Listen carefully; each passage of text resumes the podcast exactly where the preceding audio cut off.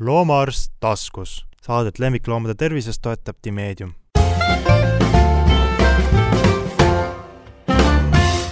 tervist, meie taskuhäälingu kuulajad!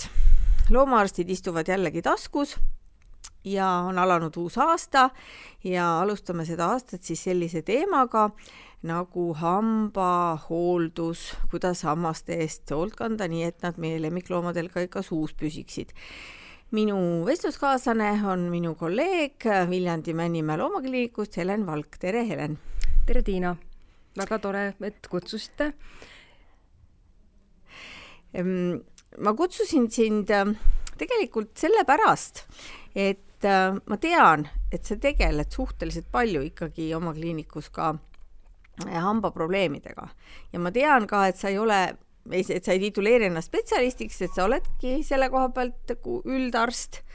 aga sa ikkagi näed eh, neid loomi, nii koeri kui kasse, kellel on, kellel on hambamuresid vist üsna palju, palju neid võiks olla näiteks nädalas? jaa, ma tegelen äh, nagu vastuvõtva,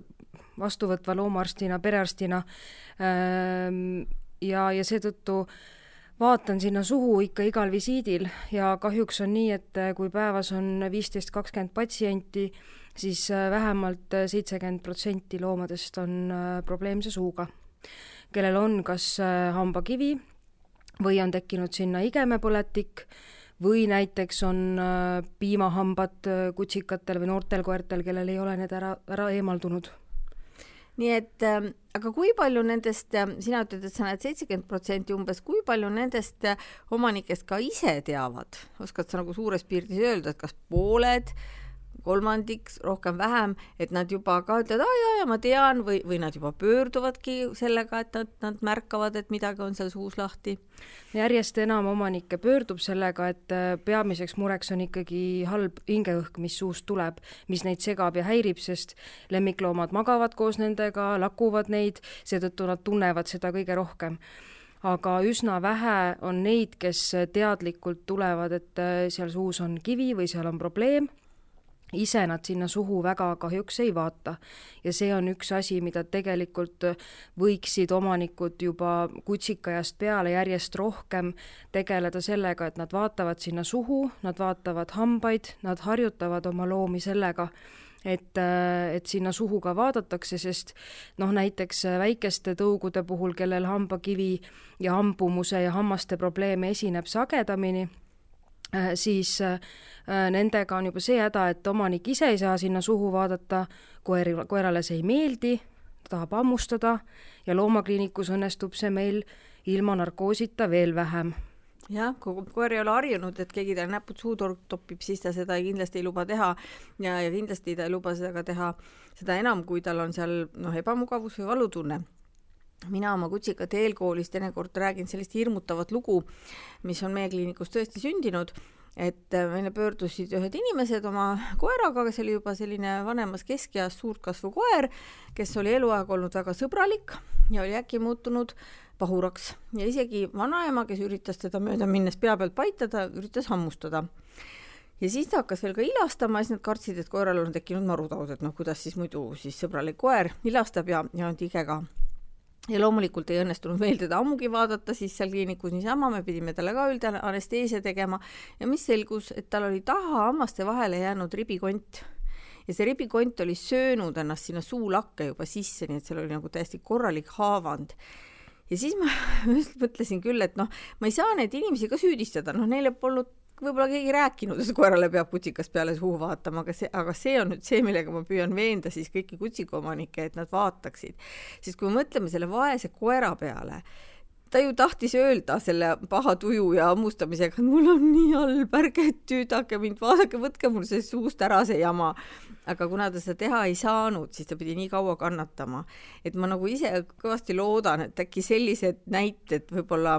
noh, aitaksid inimestel mõelda, et mikspärast see suhu vaatamine on nii-nii tähtis. ja vahest võib olla ka see, et mõnel loomal, kes on lubanud muidu suhu vaadata, ühel hetkel ta ei taha seda lasta teha just sellepärast, et ongi mingi asi, mis mis talle väga nagu valu põhjustab. jah, ja nad ei pruugi alati ilastada, noh muidu ikka mõeldakse, et kui hamba vahel on midagi, et kraabib käpaga suud või ilastab või midagi, aga see ei, see ei ole sugugi alati niimoodi. noh, loomulikult, kui me midagi sellist märkame, siis tuleb kohe arsti juurde minna. Ehm, meil tuli juttu sellest halvast hingeõhust ja mina mäletan jälle, noh, mulle meeldib selliseid iidsete aegade jutte ka siin veeretada teinekord, inimesed ju ei teagi, et missugusest ajastust me tuleme ja mina mäletan ikka seda aega veel, kui inimesed pöördusid ka, et koeral on paha lõhn suus ja siis keegi ei arvanud, et see hammastest on, see, see suu võis välja näha nagu surnuaed, aga ikkagi arvati, et ei, tal on äkki mingid maoprobleemid, et see tuleb maost, see lõhn, või siis teine variant, et noh, mis võib ka tõsi olla mõnikord, et noh, lihtsalt on söönud äsja, kui kass on äsja söönud ikka kala, siis tal see suu vaiseb täitsa korralikult. aga ilmselt jälle noh, võib-olla sa oskad oma praktika puhul öelda, see on ikka palju haruldasem, et see paha lõhn sealt suust on millestki muust kui nendest haigetest hammastest. Jaa, noh, vahest võib ju olla, et nad on lakkunud ka ennast või pesnud või puhastanud ennast ja on pärakupaunad näiteks tühjenenud ja siis kuidagi ka see lõhn kandub sinna suhu, aga ei, enamasti on see hamba äh, või hambakatu ja suuõne noh, probleemide tõttu see halb hingeõhk, mis, mis, mis sealt tuleb jah, ja mis see siis on, eks ole, siis tekib küsimus tihti, et aga miks see suu haiseb. seal on siis ju bakterite pesa, eks ole, mis. no just, et ja. normaalselt on suus baktereid, äh, see on, see on meie normaalne osa mm.. aga kui need bakterid hakkavad äh, kogunema hamba peale, tekitavad sinna hambakatu, see omakorda tekitab hambakivi. me näeme seda siis sellise äh, Äh, kihina, pruunika, roheka, kollaka kihina hamba peal ja, ja vahest on ka see, et seda, seda võib olla üsna vähe kogunenud sinna igeme ja hamba piirile, aga lõhn on üsna tugev. et noh, kui me mõtleme ka inimeste peale, siis osadel inimestel ongi suus natukene teistmoodi lõhn kui, kui teistel ja seetõttu ka see hambakivi kogunemine on äh,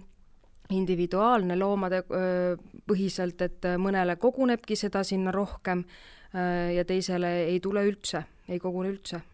Noh, natukene vist on sedamoodi, aga see ei ole ka sajaprotsendiline, et ikka väikestel tõugudel on enam ja suurtel koertel on vähem, nagu ma nagu mõtlen meie patsientuuri peale, et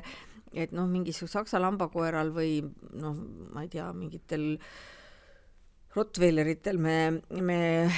peame seda hambakivi vähem eemaldama kui, kui kõikvõimalikel toitõugudel ja, ja me ei saa ka öelda, et see oleks seotud sellega, et need nüüd nii hirmsasti konti näriksid, need tänapäeva koerad väga paljud ei närigi konti. Läheme selle kondi juurde natuke hiljem, aga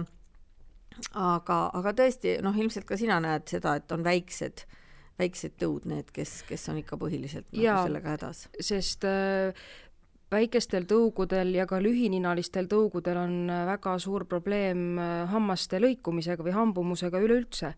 et äh, hambad ei mahu enam suhu ära niimoodi, nagu peaksid. ja see põhjustabki selle, et need hambad on risti-rästi ja seetõttu ei närimisel või hammustamisel ei kasuta nad kõike normaalselt ja samas on naljakas jälle see, et äh, mõnel, kes on nagu selle tõu esindaja, kellel võiks hambakivi olla, jälle ei ole, et eks see ju ka sõltub mitte nii palju võib-olla sellest ähm, toidu konsistentsist, aga võib-olla ka koostisest ja vist hästi palju ka äh, vee koostisest, sest mida karedam on vesi, seda suurem tõenäosus ilmselt on, et et sest, ähm, et see kivi tekib ma ei tea, oled sa selle kohta midagi kuulnud või lugenud, ma, mul ei tule ka praegu meelde, kas ma mingit allikat nüüd tean, aga, aga aga noh, et see on ka nagu individuaalne eripära, et see ei olegi nagu ainult nii, et nüüd see rusikareegel, et nüüd kõikidel puudlitel peaks olema hambakivi. ei, seda ja. kindlasti mitte, aga noh, see pigem on ju ikkagi just selle indiviidi põhine just tema suu bakterite poole ja, pealt. et miks, miks seda hambakivi mõnele koguneb äh, rohkem kui teisele. Ja tõesti võib olla niimoodi, et on Yorkshire'i terrier, kelle, kelle Äh, suu on kohutav surnuaed, nelja-aastaselt me peame eemaldama kõik hambad, sest et seal on tugev igeme põletik äh, ja need hambad loksuvad, teevad haiget, valutavad ja on mõni kaheteistaastane, kellel ei ole kunagi pidanud ei hambaid pesema, ei hambakivi võtma ja tal on kõik hambad suus alles, see on hästi individuaalne. no siin nüüd on jälle, kohe tuli see hammaste eemaldamise juures. See mõte ilmselt paljudele, et jeerum, et kuidas see vaene koer siis nüüd ilma hammasteta saab. ja noh, me ei rääkinud koerast, tegelikult on ju väga palju kasse ka, kellel juba kuskil keskeas ei ole enam praktiliselt ühtegi hammast suus. jah, siin ongi äh, noh, koerte puhul rääkides äh, kui, kuna me loomade, koertel, kassidel sellisel kujul hambaid ei paranda ja neil ei esine selliseid haiguseid, mis põhjustaks otseselt hambaauke, et me ei peaks plommima seda, siis sageli ongi tugev igeme põletik, igeme taandumine see, mis paneb selle hamba loksuma, liikuma ja seetõttu see hammas teeb haiget, miks ta tuleb eemaldada ja kui mõelda selle peale, et kas me elame valutava hambaga või ilma hambata, siis tõenäoliselt noh, me kõik ju valime ilma valuta elu. ja nad saavad väga hästi hakkama sellega, kui neil äh, ei ole ka hambaid suus, sest nad õpivad teistmoodi närima ja, ja kui kõiki hambaid ei ole eemaldatud, siis, siis on ju teised hambad. ja üle, üleüldse närimiseks tegelikult on vajalikud ainult tagumised hambad, eesthambad, need, mida me näeme, kihvahambad ja need intsisiivid on nii-öelda iluhambad või naeratamise hambad, inimestel on loomadel siis haaramiseks. Aga tänapäeval me ei pea ju väga saaki, meie loomad ei püüa ju enam väga saaki nüüd kasside hammastest rääkides, kassidel esineb selliseid haiguseid, mis põhjustavadki äh, väga tugeva reaktsiooni igemetele, enda kehapoolse reaktsiooni ja see tõesti võib vahest lõppeda ka sellega, et äh, ainukene ravi ongi kõikide hammaste eemaldamine, mis võib tunduda omanikule väga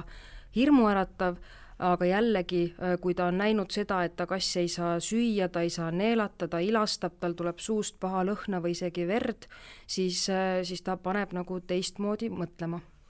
jah, ja, ja, ja elu on näidanud tõesti seda, et, et nad söövadki paremini, kui neil on need haiged hambad eemaldatud, et neil ongi kergem noh nii haarata kui ka mäluda, sest et noh, kui jälle iseenda peale mõtled, et sul on ikkagi mingi loksuv hammas suus, mis igal liigutusel nagu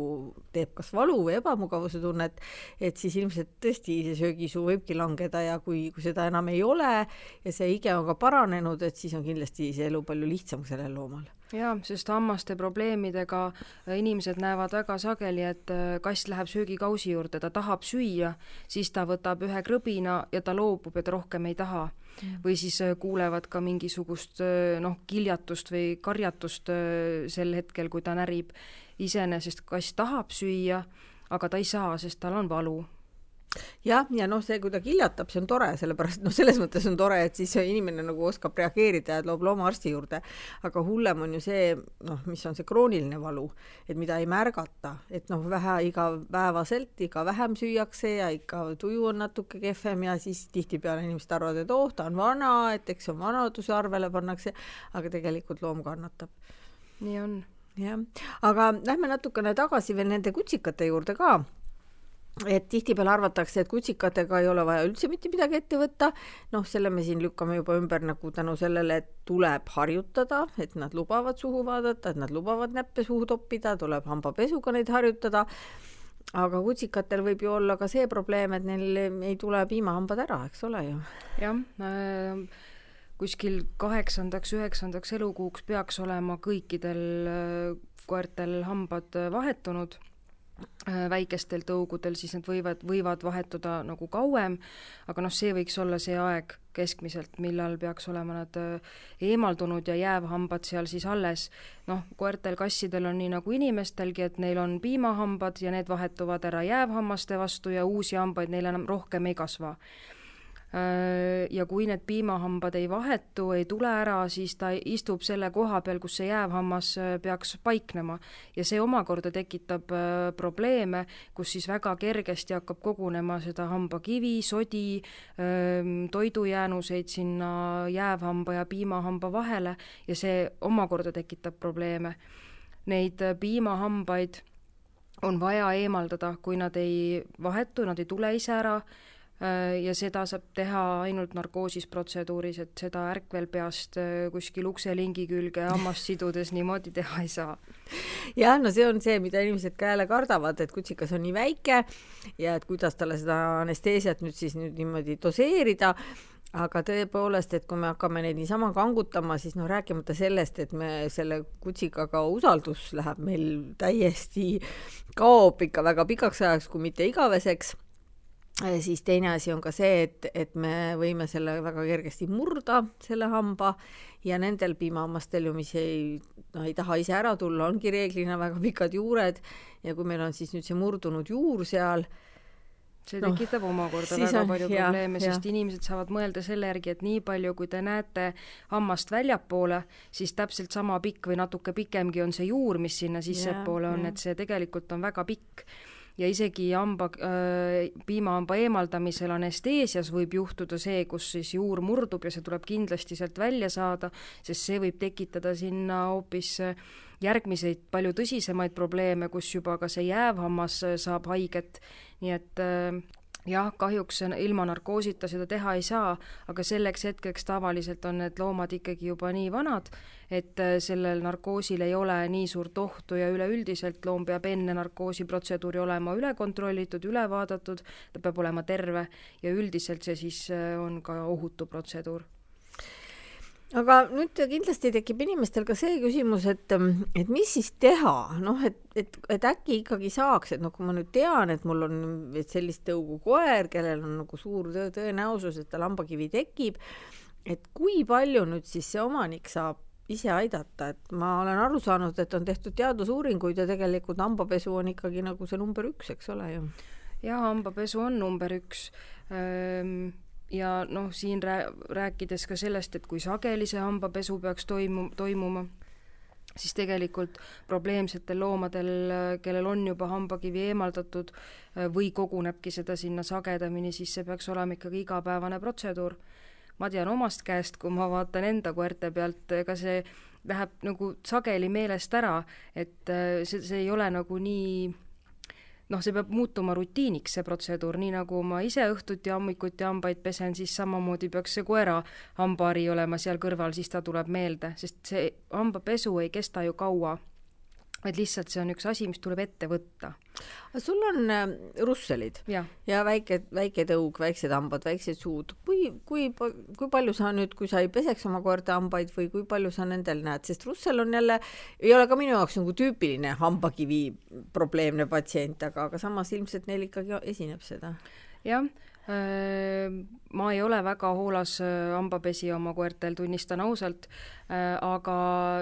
ühel koeral koguneb seda hambakivi sinna igeme ja hambaservale nagu rohkem ja ma tunnen seda peamiselt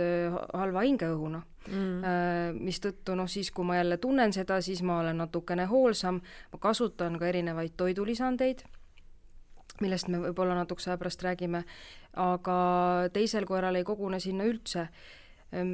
ja jällegi, see sõltub ja, ja teisel korral ei ole ka ham-, halba hingeõhku, et see sõltub hästi palju indiviidist jälle nendest bakteritest, kes seal just, elavad siis, sest vesi on ju sama, toit on sama, eks ole, mida nad saavad. minul jälle,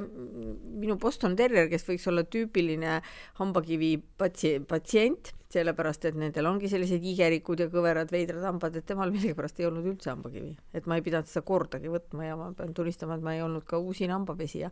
aga, aga mida ma ilmselt ähm, kasutaks kindlasti kui mul, kui mul nüüd oleks selline koer, noh, laisa inimesena ikka, eks pesema peab ka, oleks siis tõesti need, need toidulisandid, et noh, ma isiklikult tean seda Blagoffi. Ehm, kuidas selle Blagoffi, see täpne toime, see on ju ka, muudab siis no, seda suus. jah, see on. Äh, Norrast korjatud vetikapulber äh, ning äh, see vetikas aitab siis äh, või mõjutab süljekoostist läbi seedetrakti. et sageli arvata, arvatakse seda, et loom peab seda Plakovi kas siis pulbrit või seal on äh, närimiskondid või äh,, või need maiused, et nad peavad neid närima, aga tegelikult ei pea nad otseselt närima, vaid oluline on see, et see jõuaks seedetrakti ja seeläbi ta mõjutab siis nende mm -hmm. süljekoostist, et seda hambakivi ja kattu sinna palju ei, või sageli, noh, et ei koguneks aga kui meil on loom, kellel koer näiteks Äh, kellel me oleme väga äh, hoolsalt hambad ära puhastanud, no rahustuses protseduuris hambakivi ära võtnud, lahtised loksuvad hambad ära võtnud ja paneme ta selle plak-off'i peale äh, ning loodame, et ainult see aitab, siis äh, alati mitte, nii et noh, jällegi see on abivahend, aga see ei asenda hambapesu, mis tegelikult aitab kõige paremini hambakivi vastu. noh, lihtsalt, et kui ei ole nii palju aega pesta, et siis võiks kasutada seda juurde. Ja, ja ma mäletan, et kunagi, kui see toode turule tuli, siis oli, kas oli ka veel selline jutt, et, et kui sul on nagu loomal juba hambakivi ja sa seda plaakohvi hakkad kasutama, et ta muidugi ära ei võta, et ära võtab see ikkagi ainult korralik mehaaniline puhastus, aga et ta võib-olla pehmendab seda natukene, et see hambakivi eemaldus oleks siis äh, nii-öelda kergem ja, ja, ja läheks, käiks hõlpsamini. ja et äh, ta teeb ta pehmemaks ning kui sa hakkad siis ka harjama neid hambaid, siis kivi, kui seda ei ole sinna väga paksu klotsi peale tekkinud, siis see tuleb sealt kergemini ära. Mm -hmm. ja ja seda on nüüd kassidele ka, eks ole ju? seda on kassidele ka, mis on siis tehtudki kai-, kassidele paremini söödavamaks või, või maitsvamaks mm. -hmm. ja noh, muidugi, mis äh, Blackhoffi üks äh, toime on see, et äh, ta võtab ära seda halba hingeõhku mm. -hmm. et vahest meil võib olla ka nii, et loomal ei ole küll väga palju kivi sinna tekkinud, mida ka na-, narkoosis eemaldada inimene on selline minu moodi, kellel ei, läheb meelest ära seda harjamist sage, sagedasti teha ta lisab selle tema maiusena või siis toidule, see aitab seda halba hingeõhku suust ära võtta, mis tegelikult inimest noh, sageli häirib. häirib jah, noh siin me peame muidugi ütlema, et, et kui on ikkagi nagu juba probleem, siis ei ole mõtet pead liiva alla peita, et söödame talle ainult plaakohvi ja halb lõhn läheb ära, aga tegelikult see õudus seal suus kestab edasi, nii et, et see on ikkagi selline eh, nagu lisa ja eh, loomaarst oskab öelda, et ja, missugune on ja, see olukord, et millest ja. on abi ja, ja millisest asjast peaks esmalt alustama. ja hammaste ülevaatus tõesti nüüd peaks kuuluma iga ülevaatuse juurde, sest tihtipeale on need asjad sellised, mida üldse ei näe ja muidugi ma tean, et ka juba hambaspetsialistid ütlevad, et on ka väga palju asju, mida ka ärkvel loomal ei näe, et, et siis, kui ikkagi ju, noh, juba tahta teha sellist väga-väga korralikku suu-õõne-hammaste ülevaatust, et siis see loom peab olema kindlasti rahustuses, et, et noh, tõesti näha neid iga, igemetaskuid ja ja, ja noh, juba siis röntgenpilti teha, mida ei saa ka teha ilma rahustuseta loomale ja seda ma ütlen ka omast kogemusest, et sageli me vaatame kabinetis looma suhu, tundub, et see asi ei olegi nii hull, äh, aga noh, probleem on ja me läheme protseduurile ja kui ta on narkoosis ja me vaatame selle suu üle, siis see olukord äh, sageli on palju hullem kui see, mida me ärkvelpeast nägime. no siin võib nüüd jälle tulla mõni selline äh, minevikujutt, et aga vanasti ei olnud kellelgi ja kes see selle kassile suhu vaatas ja vot sõid ikkagi sellist toitu, et vot sõid konti ja sõid seda ja teist ja kolmandat ja ja midagi ei juhtunud. no ma ise tahaks väga kohe selle jutule vastu vaielda, et päris need asjad nii ei ole, aga ma nüüd annan selle vaidlemise ülesande sulle selles mõttes, et noh, et et, et närigu aga konti, mina ütlen kohe ei, ma arvan, et sina ütled ka ei selle närigu aga konti kohta. ja ei, kondi kohta on jah see, et kui loom saab sealt kuskilt killu kätte, siis see tekitab meile palju rohkem probleeme. Või teine asi on see, et kui ta selle kondi närimisega hamba murrab, äh, see on, see on palju tõsisem küsimus. Aga äh, noh, miks varem võib-olla loomadel kas siis ei vaadatud suhu äh, või ei olnudki probleeme, näiteks kassi puhul kindlasti oli see, et kass oli õues, ta püüdis hiirt. Mm, -hmm. ta sõi nahka, luid ja kõiki muid, et äh, tänapäeval meil on ju enamasti on tubased kassid, kellele toit kaetakse ja noh, see ongi see erinevus või vahe. ja koerte puhul ka, et äh, meil ei ainult jahikoerad vist käivad noh, niimoodi metsas ja, ja võivad sealt midagi leida, noh, ka mingisuguseid väikseid närilisi võib-olla siis, sest vaevalt, et neil lastakse nüüd omavoliliselt seal neid ja. ulukeid seal närida jah, aga, aga noh, tänapäeval tubased ja no ütleme, lemmikloomad on hoopis teist, teise mõttega. aga siis võiks ju tek-, tekkida väga kergesti selline tunne, et noh, et anname siis hästi palju konti, et siis see aitab jaa, aga siin ongi äh, risk äh, just nendel teistel probleemidel äh,, mitte ükski omanik ei taha min-, tulla oma koeraga klistiiri tegema, kes on korra juba seda pidanud mm -hmm. nägema, kuidas seda tehakse ja looma kõrval olema. et see, see on probleem, kui ta sealt killud kätte saab yeah ja noh, suurte koerte puhul, kui me väikestest räägime, et neil on sageli hambakivi ja hambad on risti-rästi suus, siis suurte koerte probleem suus sagedamini ongi murdunud hambad, kas on siis sellised tüübid, kes tassivad kive näiteks, hambaotsad on kulunud äh, ja on juurekanal on avatud, äh, hambad on värvi muutnud, ähm, noh, või täiesti kuskilt murdunud. Äh, sageli on ka sellised probleemid, kes koertega, kes puuris on olnud, et nad on neid puurivõresid on kraapinud ja. ja on tekitanud sinna kulumise jälgi, et need on need sagedasemad probleemid suurte koerte hammastega mm. minu isiklik arvamus kondi suhtes on selline, et, et kui meil on selline toores, toores veise sääreluu,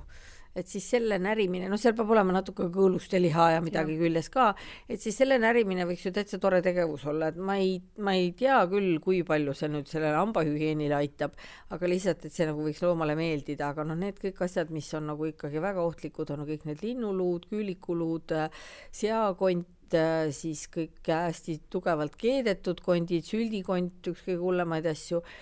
et, et kui nüüd keegi idealiseerib seda minevikku, et oh, kui vanasti said loomad konti, siis ilmselt oli see ka see, et me ei tea, kui palju neid seal lauda taga sooleuumistusega ära suri, mm, eks ole, et, et, et lihtsalt loomapidamine oli omal ajal nagu natuke teistsugune noh, ja kondist võib teha tegelikult edasiarenduse toore liha andmisele, et kui see ei ole hakkliha või väga väikesed guljaši, sellised väiksed lihatükid, et iseenesest võiks ju olla kasu sellest, kui nädalas korra ühe toidukorra asemel kass ja koer saavadki sellise suurema lihatüki, mis on kiuline, keetmata, aga siin on muidugi see koht, et kui loom on toidutundlik, et ta ei talu toorest liha, et tal läheb selle peale kõht lahti või oksendab, siis ei saa seda anda, aga oluline ongi just, et ta rebiks, tiriks, sikutaks ja on muidugi olemas ka erinevaid ähm, noh, muid maiuseid või, või närimisasju, mis kestavad kauem aega kui ainult see äh, seakõrv, et mis ongi pikemaks tegevuseks, pikemaks närimiseks ja millel on ka selle hamba puhastamise poole pealt võib-olla nagu suurem kasutegur eks neid ole ka muidugi turul hästi palju ja üsna keeruline orienteeruda, et ma ütlen ausalt, et mina loomaarstina ka väga hästi ei orienteeru selles mõttes, et seal võib olla ilus reklaam küll, et et see et see puhastab nüüd ähm, see, meie loomade hambaid, aga, aga enne kui võib-olla ise järele katsetanud, siis, siis väga kindel olla ei saa.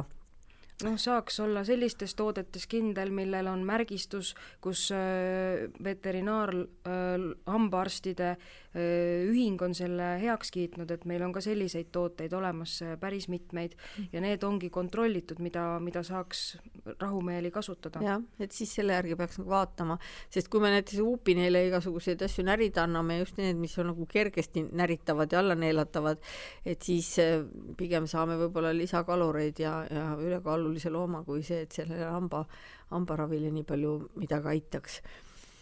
ehm,. Nii, murdunud hambast me rääkisime. üks asi, mis mul veel meelde tuli, mida mina ei ole noh, väga ammu näinud, aga mis vanasti oli hästi-hästi tavaline, oli see selline mädapaise silma all mina oma nagu praktika algusaegadest mäletan nagu ikka palju-palju patsiente, kes olid, seda oli ravitud, see loom oli antibiootikumi saanud, jälle ka järjekordselt antibiootikumi saanud ja, ja siis tõesti ei teatudki tol ajal, ma ei mäleta, kust mina oma selle teadmise sain, eks siis nagu Soomest vist nagu kõik me tolleaegsed veterinaarteadmised saime, et see ongi, see hambajuur ulatab praktiliselt sinna silma alla nendel suurtel suurtel tagumistel hammastel ja kui seal, seal on see juurepõletik, et siis see lihtsalt avaneb, noh, kuna hammas on nii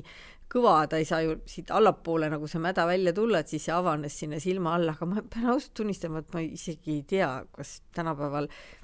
kas see on ära kadunud, miks see on ära kadunud, kas sina näed vahetevahel seda? näeme, ikka näeme. Ja väga sageli inimesed arvavadki, et see on mingi vigastus lihtsalt näo peal, et mm, -hmm. et ta on kas kuskile vastu oksa või, või jooksnud, aga tegelikult äh, probleemi põhjustab äh, päris tõsine olukord, kus tuleb see tavaliselt siis kolme juurega hammas on see, mis seda, mille all see tekib, tuleb see hammas eemaldada ja see pole üldse mitte nii lihtne ettevõtmine. Ja, jah, aga seal muu ei aita jah, sest ta tuleb muidu tagasi kogu aeg. jah, antibiootikum teeb olukorra paremaks, niikaua kuni antibiootikum peal on, on hästi. Ja siis, kui antibiootikum maha tuleb, siis äh, on, on probleem uuesti tagasi. Mm.. aga noh, siin on alati tuleb vaadata, võib-olla vanematel loomadel on mingi kasvajaline protsess, mis seal ninakarbikut, sest need kõik asuvad seal väga lähestikku, et et see ei pea olema alati ainuke põhjus, neid põhjuseid võib olla rohkem mis me siis võiksime siin lõpetuseks, lohutuseks öelda et võim-, mida on võimalik teha? hambapesu? hambapesu on kõige olulisem, hamba... ilma selleta ei saa. Siis toidulisandid, Blagovist oli juttu, kas on midagi, mul ei tulegi praegu ette, noh, see on vist kõige levinum mida, mida kasutatakse ja see on ka ju see, ähm, veterinaarstomatoloogide poolt äh, kinnitatud. just nii, jah -hmm., veterinaarstomatoloogide poolt soovitatud äh, ja see on siis jah, just selle kindlat tüüpi vetika põhjal. Äh, ilmselt on loomapoodides ka mingisuguseid sarnaseid alternatiive, aga tõesti kõikide selliste toodete otsimisel te peate vaatama, kas seal on selle, see märge selle äh, veterinaarstomatoloogide ühingu kinnitusmärge nii-öelda mm. -hmm. ja niisamuti ka nendel närimis, närimisasjadel ja ja mina omalt poolt jälle, kuna ma seda kutsikakooliga siin tihedasti olen seotud, siis püüan ikka kõigile öelda, et õppi, õpetage oma loomi, et nad lubavad vaadata suhu, et nad lubavad asju suust ära võtta, asju suhu panna. et kutsikapõlves on see kõik nagu mängeldes teha, on see lihtsam, et kui meil on juba täiskasvanud koer ja kellel pole eladeski keegi sõrmi suhu toppinud ja siis tal on veel ebamugav ja valus ka et siis me ei saa mitte miskit moodi, kui me peame isegi ülevaatuseks peame tegema siis juba üldanesteesia ja siinkohal ah, võiks öelda ka veel seda, et kindlasti peaks loomadele kasutama loomadele mõeldud hambapastat, et neile inimeste hambapasta ja. ei sobi. Ja nii kassidele kui väikestele koertele on olemas erinevad äh, hambaharjad, sest noh, selle suure hambaharjaga talle suhu minna ei saa. Kassidele äh, võib kasutada ka näiteks vatitikuga, noh, alguses harjutamiseks, et miski sellest kassi hambapesu tegelikult, sellest me rääkisime vähe, aga mm see on nagu veel eriti suur probleem. Yeah.. Ähm, aga, aga noh, seda, seda saab teha jällegi harjutamine väikesest, ja, peale, peale Õnneks on need loomade hambapastad vist neile meeldiva maitsega, et seal ja. on tihti mingid maksamaitselised ja mis iganes. ja ma olen muidugi kutsikate puhul öelnud ka, et pigem pange alg-, hakatuseks lihtsalt marli ümber sõrme, tehke sõrmega, kui et hambaharjaga, sest hambaharja neile tundub, et see on mingi mänguasi, et seda peab tingimata närima, et kui see sõrmega juba enam-vähem õnnestub, et siis nad on tavaliselt hambaharjaga ka nõus. Aga ma arvan, et me sellega võib-olla võiksime joone alla tõmmata. nii et nüüd on taskuhääling kuulatud ja marss-marss hambaid pesema nii et aitäh, Helen, tulemast! aitäh!